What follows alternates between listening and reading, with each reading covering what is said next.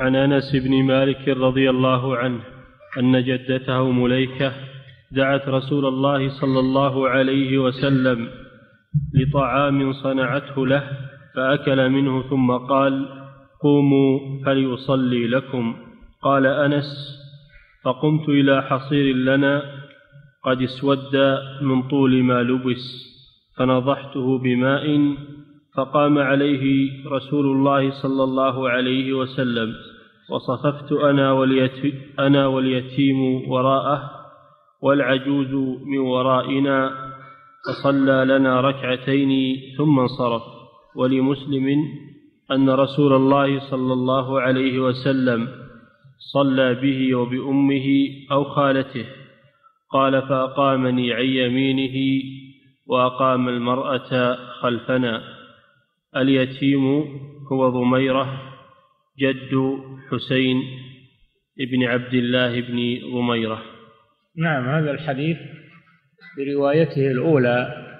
فيه أن مليكة مليكة اسم امرأة. قيل هي جدة أنس بن مالك.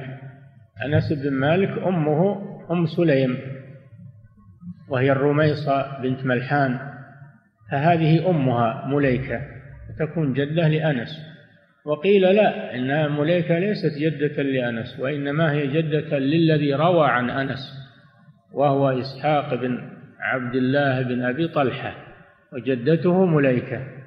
ولو أن الراوي ذكر إسحاق لزال اللبس لزال اللبس. على كل حال ما يهمنا هذا. هل هي جدة أنس بن مالك أم أمه أو هي جدة إسحاق؟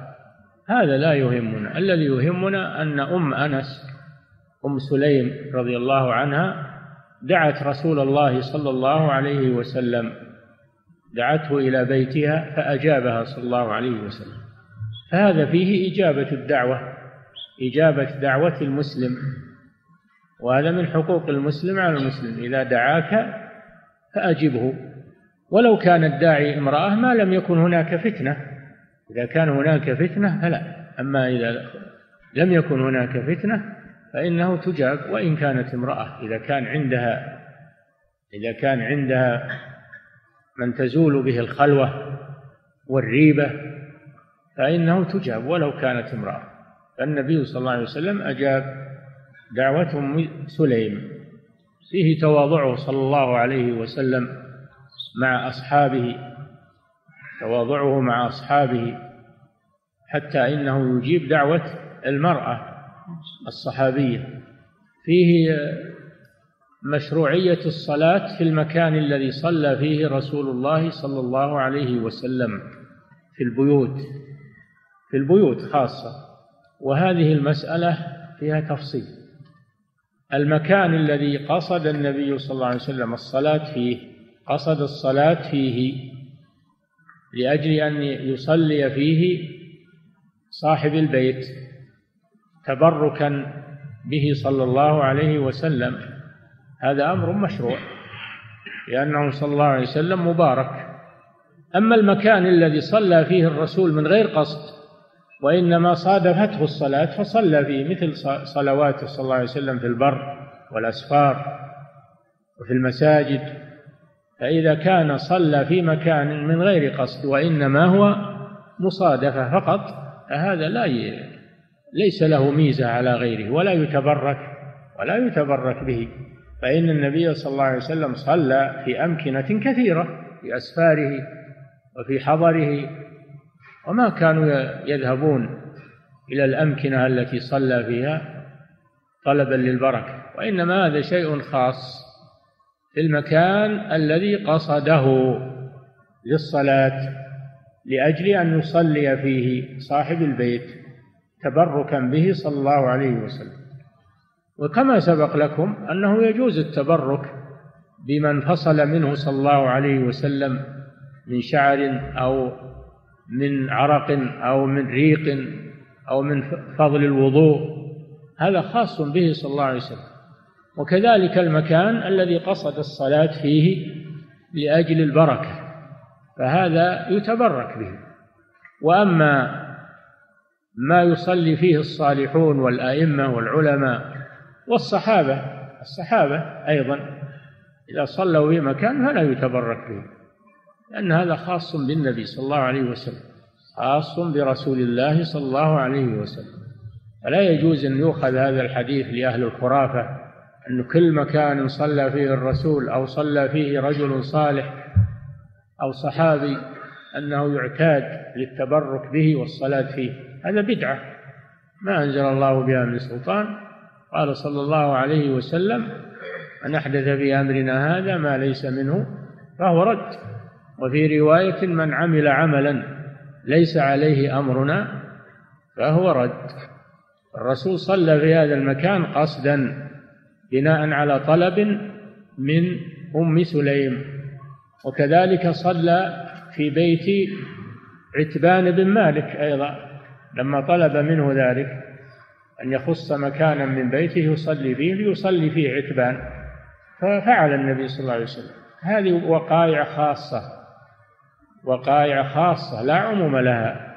فينبغي معرفة هذه المسألة لأنها يشبه بها كثير من الخرافيين الذين يتتبعون الآثار ويحيون الآثار ويتبركون بها فلا حجة لهم في ذلك والحمد لله. كما بين أهل العلم والتحقيق قوله فقمت قال قوموا فلأصلي لكم قوموا فلأصلي لكم أصلي لأن اللام لام كي لام تعليل تنصب ما بعدها. وروي فلأصلي لكم على أنها لام الأمر. صلي لكم يعني أصلي بكم. صلي لكم يعني أصلي بكم.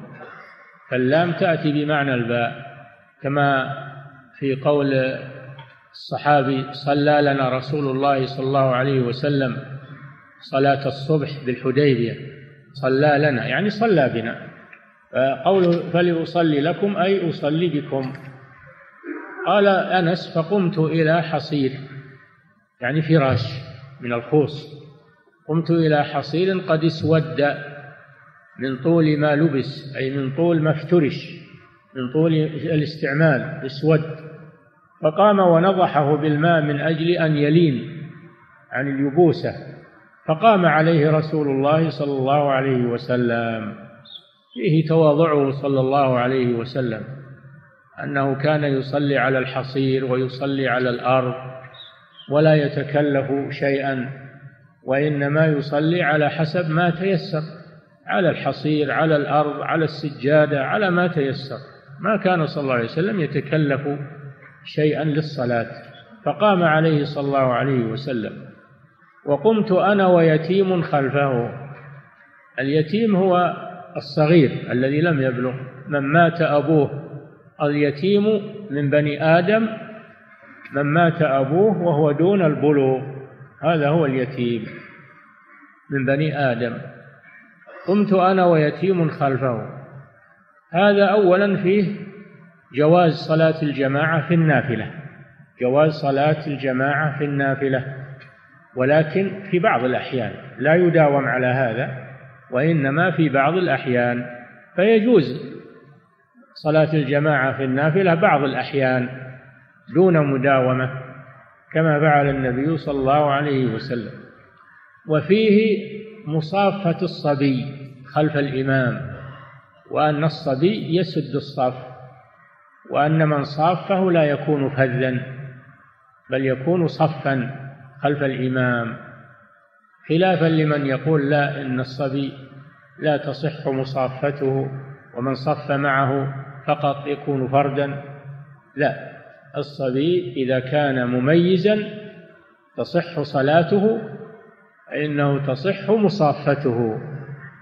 فلو جئت خلف الصف ومعك صبي مميز يجوز أن تقوم خلف الصف أنت وإياه ولا تكون فذا لأن أنسا صف خلف النبي صلى الله عليه وسلم هو وهذا اليتيم.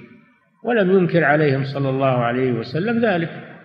وفيه أن موقف المرأة يكون خلف الرجال ولو كانت واحدة. موقف المرأة يكون خلف الرجال ولو كانت واحدة ولا تصف مع الرجال.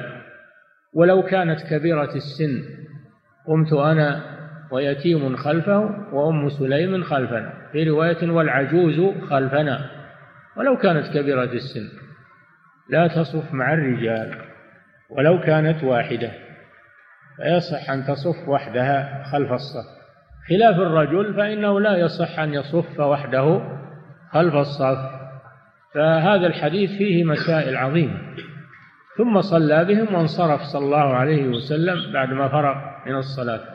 قيل انصرف يعني انصرف إلى إلينا. وقيل انصرف يعني من البيت خرج من البيت. نعم. أحسن الله إليك فضيلة الشيخ. يقول السائل هل تصف المرأة بجانب زوجها في البيت في صلاة النافلة؟ وهل هذا خاص بالزوجة أم, بجم أم جميع المحارم؟ والله ظاهر الحديث الذي سمعنا أنها أنها تصف خلف خلف الرجل سواء كان زوجها أو محرمها. هذا هو ظاهر الأحاديث لكن بعض الفقهاء يقول لا مانع.